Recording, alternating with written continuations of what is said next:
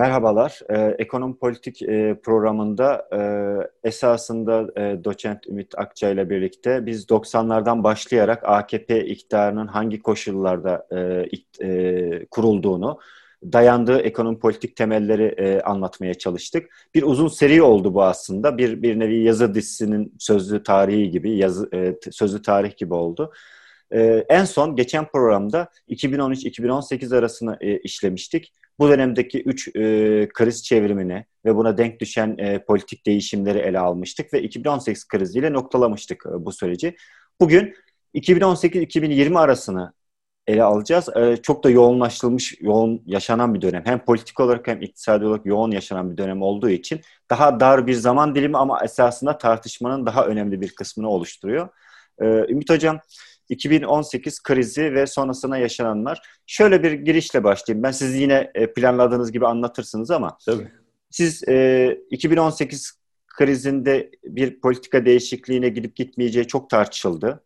Hani bir istikrar programı önerenler oldu, IMF tartışıldı ama iktidar kredi genişlemesi tekrardan bir yeni bir kredi genişlemesi yaptı ama sonra bu kredi genişlemesi tabii ki geriye çekilmeye başlandı. Yani daralmaya başladı ve bir U dönüşü demişsiniz. Hı hı. Ee, bir e, krizle birlikte iktidarın yani hükümetin, iktidarın ekonomi politikasında bir değişim oldu mu, siyasi politikasında bir değişim oldu mu deyip ben söz size bırakayım. Zaten aslında çerçevesini böyle genel bir şekilde çizmiş olayım. Ee, buraya geleyim. Ben ama bir iki hatırlatmayla geleyim buraya. Çünkü bu gerçekten de şeyin e, tartışmanın özünü oluşturuyor. Şu anda yaşanan U dönüşü de e, nereye döndük tartışmasını da o açıdan e, bağlayabiliriz.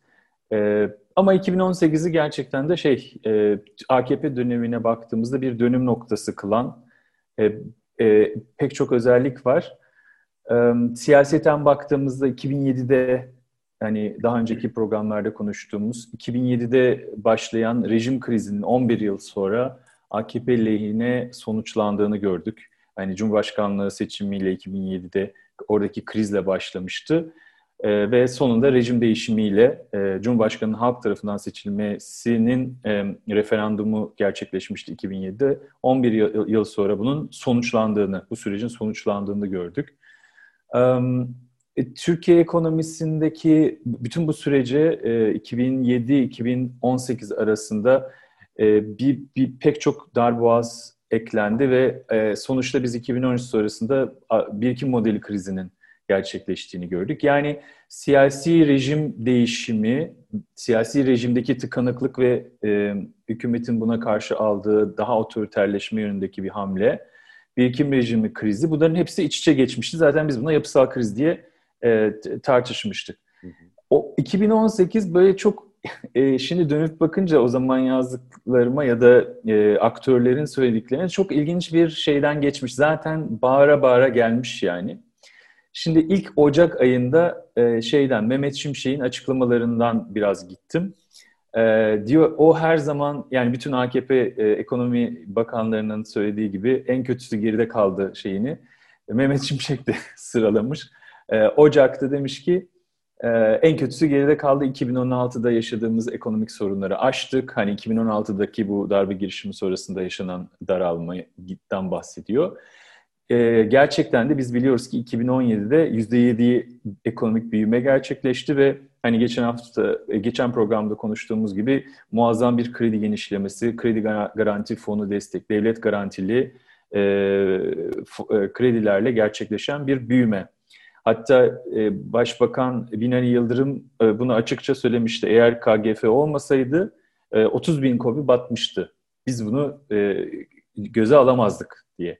Dolayısıyla bu hani e, sizin yazılarda da sıklıkla bahsettiğiniz bu AKP'nin sınıfsal tabanı ya da hangi politikayı niye tercih ediyor konularının da da bize doneler veriyor bu tip e, geçmişe dönüp e, baktığımızda gördüğümüz açıklamalar. Şeye geldiğimizde Mart ayına aslında işlerin renginin ortaya çıktığını görüyoruz Uludağ Ekonomik Zirvesi'nde. Mehmet Şimşek orada e, meşhur konuşmasını yapıyor. İşte e, şey reel sektör e, borçlarından, döviz borçlarından bahsediliyor. E, ekonomik gündemin e, bastırmaya başladığından, sıkıntılan, sıkıntıların yoğunlaşmaya başladığından bahsediyor ve e, şu şey lafını söylüyor, e, çatıyı güneşli, e, hava güneşliyken tamir etmek lazım. Şimdi burada da şeyi söylemiş ol, oluyor yani kriz geliyor, biz buna karşı önlemler almamız lazım ve hani oradaki önlem olarak söylediği de e, döviz geliri olmayan firmaların dövizle borçlanmasına sınırlama getirmek, özellikle COBİ'lerin. Belki burada bir parantez açmak lazım. Bu uygulama e, Türkiye'de sermaye hareketlerinin 89'da serbestleştirilmesinden sonra 2009'da e, belki de ikinci adımıydı bu serbestleştirmenin. Dövizle döviz geliri olmayan e, firmaların da dövizle borçlanmasını sağlama ve işte Ali Babacan vesaire şu anda bildiğimiz, şu anda muhalefette olan ekibin başında olduğu yönetim tarafından gerçekleştirildi ve hatırlayalım oradaki amaç şuydu, e, merkez ülkelerde krizden çıkış için uygulanan para politikası, genişlemeci para politikası nedeniyle bir likitte bolluğu oluştu dünyada. Doların faizi çok düştü çünkü Fed faizleri sıfırladı vesaire. Bunları daha önce konuşmuştuk.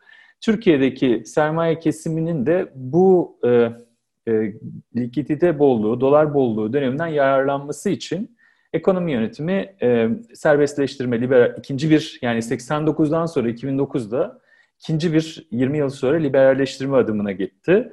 Ve biz 2009 sonrasında e, şeyin özel sektör döviz borcunun e, muazzam oranda arttığını gördük ve şu anda yaşadığımız 2018'de yaşadığımız krizin diyelim ve halen süren 3 yıllık uzun durgunluğun kökenlerinde bu döviz e, bu döviz sorunu e, dolayısıyla bu döviz borçlarının serbestleştirmesi kararı var. Bu karara imza atanlar var.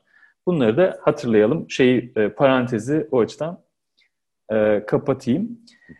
Dolayısıyla Mehmet Şimşek Mart'ta söylüyor. Geliyor kriz, buna karşı şey yapmamız lazım, tedbir almamız lazım diye. Ve biz hemen şeyi görüyoruz, Nisan ayında MHP, MHP Başkanı Devlet Bahçeli'nin meşhur açıklamasını Oradan da şey notlarımdan bakıyorum şimdi. Evet, Türkiye'nin 3 Kasım 2019'a kadar e, dayanması kolay değildir.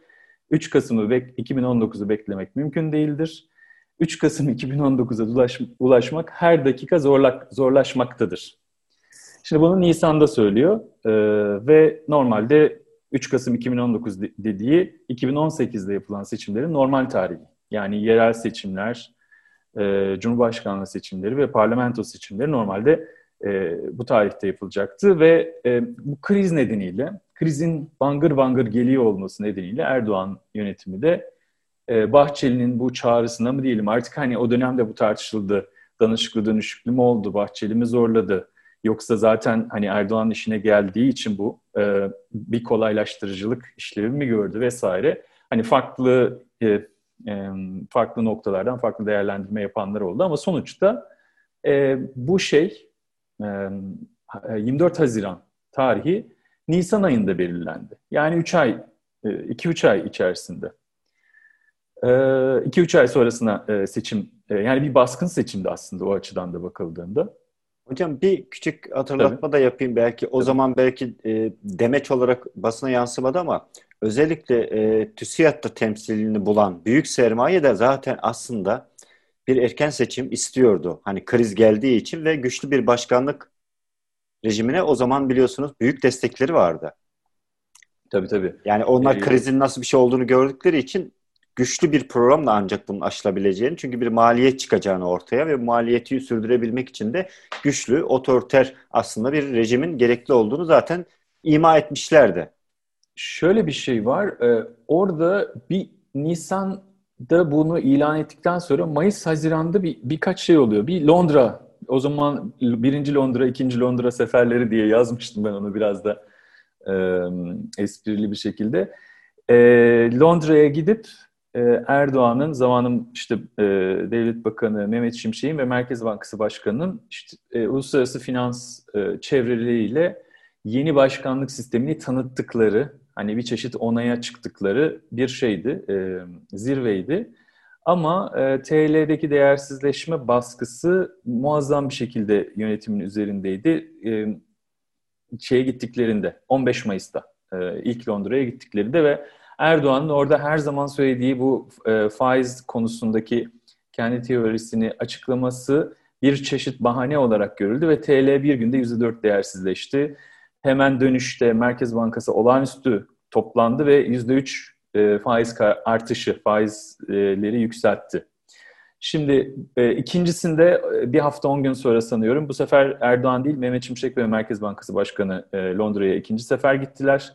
Bu sefer de bir hasar kontrolü şeklindeydi. İşte Merkez Bankası faiz artışı ve sadeleştirme paketini e, çantasına koydu bu e, ikili ve gidip uluslararası finans çevrelerine ya burada söylenenler iç e, iç tüketime e, hitap ediyor. E, siz bunları çok da şey yapmayın, biz eski modelle devam edeceğiz e, şeyini söylediler. E, aslında Erdoğan da burada, içeride e, bunu teyit eden açıklama yaptı. E, orada gene notlarıma bakıyorum. Bugün olduğu gibi yeni yönetim sisteminde de para politikalarında küresel yönetişim ilkelerine bağlı kalmayı sürdüreceğiz. Özellikle mali disiplini süreceğinden ve finansal istikrarın gereğinin yapılacağından kimsenin şüphesi olmasın. Piyasa kurallarına bağlıyız. İşte bu, bu da başkanlık seçimi öncesi son bir e, e, e, garanti verme şeklindeydi.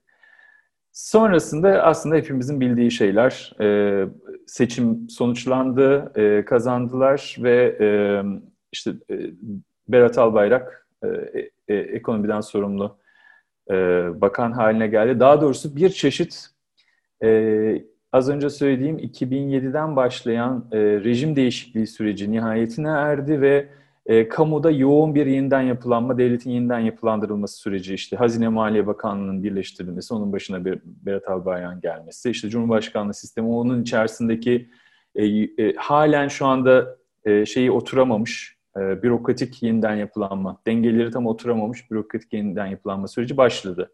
Tam bu başlamışken Ağustos ayında işte e, Türkiye'nin bir çeşit yürüttüğü rehine diplomasisi mi diyelim artık ne diyelim, Rahip Branson'ın e, e, iade edilip edilmemesi, yargılanması konusunda Amerika ile yaşanan sorunlar nedeniyle e, hepimizin hatırladığı şekilde TL hızlı şekilde değersizleşti. Şimdi orası o kadar kritik bir dönem ki e, şey öncesi Eylül'de e, yeni ekonomik program açıklanacak. Merkez Bankası'nın toplantısı var. TL hızla değersizleşiyor ve ne yapacak? Bu yeni yönetim ne yapacak? Konusu müthiş bir e, belirsizlik yarattı bir anda. Şimdi orada uzun yıllardır olmayan bir şey oldu. TÜSİAD, TOP, ihracatçılar, e, MÜSİAD, e, şey e, neredeyse sermayenin bütün kesimleri e, tek bir ağızdan işte, e, istikrar programı uygulanmalıdır. Çünkü o sırada hatırlayın IMF baskısı e, hükümetin üzerinde yoğunlaşmaya başladı. E, bütün sermaye kesimleri birleşerek e, bir istikrar programı uygulanması lazım, faizlerin arttırılması lazım ve e, şeyin e, sürekli ertelenen bu kemer sıkma tedbirlerinin artık seçimler de geçtiğine göre e, hayata geçmesi gerektiğini ilan ettiler. Zaten bu e, oydaşma, sermaye kesimleri arasında bu oydaşma olduktan sonra Merkez Bankası çıktı %6,5 faiz arttırdı. Yeni ekonomik program, e, hani bu e, Güler Sabancı'nın e, çok övdüğü e, Berat Albayrak'ın e, ilk açıklama, kamuoyunun önüne çıktığı ilk e, yeni ekonomik program açıklamasında e, bir kemer sıkma programı ilan edildi aslında. Daha doğrusu vaat edildi. Şimdi sizin sorunuza geliyorum. Birikim modeli değişikliğim vardı yoksa kredi genişlemesine mi şey? Aslında şöyle bir şey vaat edildi. İşte o zaman IMF, e, IMF'siz IMF programı diye adlandırılmıştı bu e, yeni ekonomik program. E, orada vaat edilen bir kemer sıkma paketi, kamu e, harcamalarının daraltılması, e, işte kem, e, e, kıdem tazminatının e, geçirilmesi, e, emeğin esnekleşmesinin sürdürülmesi vesaire vesaire. Yani herhangi bir IMF programında olabilecek e, şeylerin, maddelerin sıralanmasından ibaretti aslında yeni ekonomi programı. Şimdi 2019'a öyle bir şeyle girdi ki Türkiye, sıkışıklıkla, daha doğrusu ekonomi yönetimi. Çünkü Mart'ta seçim var. Mart'ta yerel seçimler var taahhüt etmiş, uluslararası sermaye ve yerel sermayeye taahhüt edilmiş bir kemer sıkma var. Ama bunu uygularsa e, zaten e, bu faiz artışı nedeniyle kredi çöküşü gerçekleşmiş. Pek çok firma tasfiye olmuş. E, ödenemeyen borçların e, miktarı artmış. E, bunun siyasi faturasının daha daha da yükseleceği bariz bir şekilde ortaya çıktı. O sırada bu soğan depolarına falan baskınlar yapılıyordu. Böyle bir garip uygulamalar da gerçekleşiyordu. Çünkü enflasyon zıplamıştı. %20'lere çıkmıştı. Döviz kuru nedeniyle. Burada şöyle bir şeye gitti iktidar. E, kemer sıkma tedbirlerini erteledi. Mayıs sonra şey 31 Mart sonrasına. E, kesenin ağzı tekrar açıldı e, ve şeyin e, yerel seçimler öncesinde bu böyle kitlesel iflasla dalgasının engellenmesine çalışıldı. Ee, orada çok kritik bir değişiklik oldu. Tabii bu Adalet ve Kalkınma Partisi'nin iktidarın şeyi midir artık? E, talihi midir nedir bilemiyorum. 2019'da Fed uluslararası ekonomik sorun, e, özür dilerim Amerikan ekonomisindeki sorunlar nedeniyle faiz artışı sürecini durdurduğunu, hatta faiz indirimi sürecine başladığını, 2018 krizinden beri ilk kez faiz indirimine gittiğini açıkladı. Faizleri indirdi. Yani 2019 yılındaki uluslararası ekonomik konjonktür 2018'in tam tersi halinde genişlemeci bir konjonktür haline geldi bir anda. Bu iktidara olağanüstü bir hareket alanı açtı. Çünkü Merkez Bankası bir yılda %12 faiz indirebildi.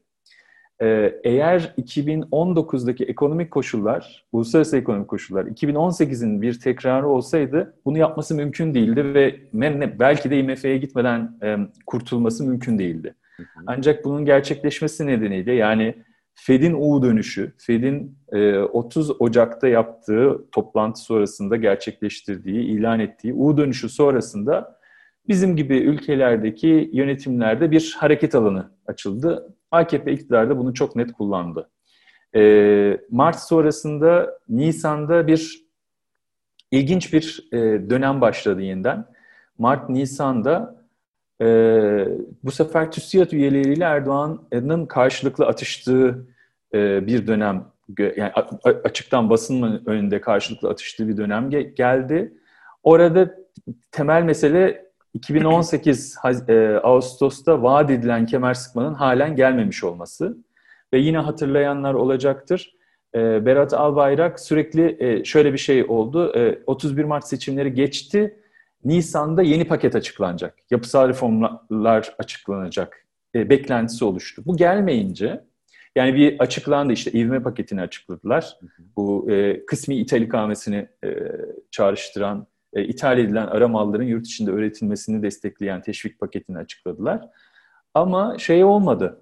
E, TÜSİAD'a söz verilen ya da uluslararası kesimlere söz verilen paket e, uygulanmadı. Gündeme gelmedi. Hatta ironik olarak 1 Mayıs günü sanıyorum e, TÜSİAD'la e, TÜSİAD temsilcilerini kabul etti Erdoğan. 15 Mayıs'ta da e, bu aralarında ya biz sizle konuşmuştuk, anlaşmıştık şimdi niye bizi eleştiriyorsunuz diye basın önünde çıkıştı. Ee, bu o, o, o arada anladığımız kadarıyla şey yapılamayan, çözülemeyen bir sorun var. İşte o paketin neden uygulanmadığı. Onun da aslında nedenini tahmin etmek çok güç değil. İstanbul seçimlerinin e, ertelenmesi, tekrar seçim konusu. Yani e, şeye kadar, e, Haziran'a kadar geçen bir süreç. Şimdi burada da tekrar e, şey, a, a, Haziran sonrasında mı acaba olacak falan gibi konular tartışılırken bu Fed'in kararı nedeniyle sermaye hareketlerinin tekrardan gevşemesi, Türkiye 2018'deki e, kadar e, Türkiye'nin üzerindeki stresin azalması ve tabii e, o bir yıllık dönem boyunca Türkiye'nin yaklaşık 50 milyar dolarlık cari açığı vardı. Kriz nedeniyle sıfırlandı.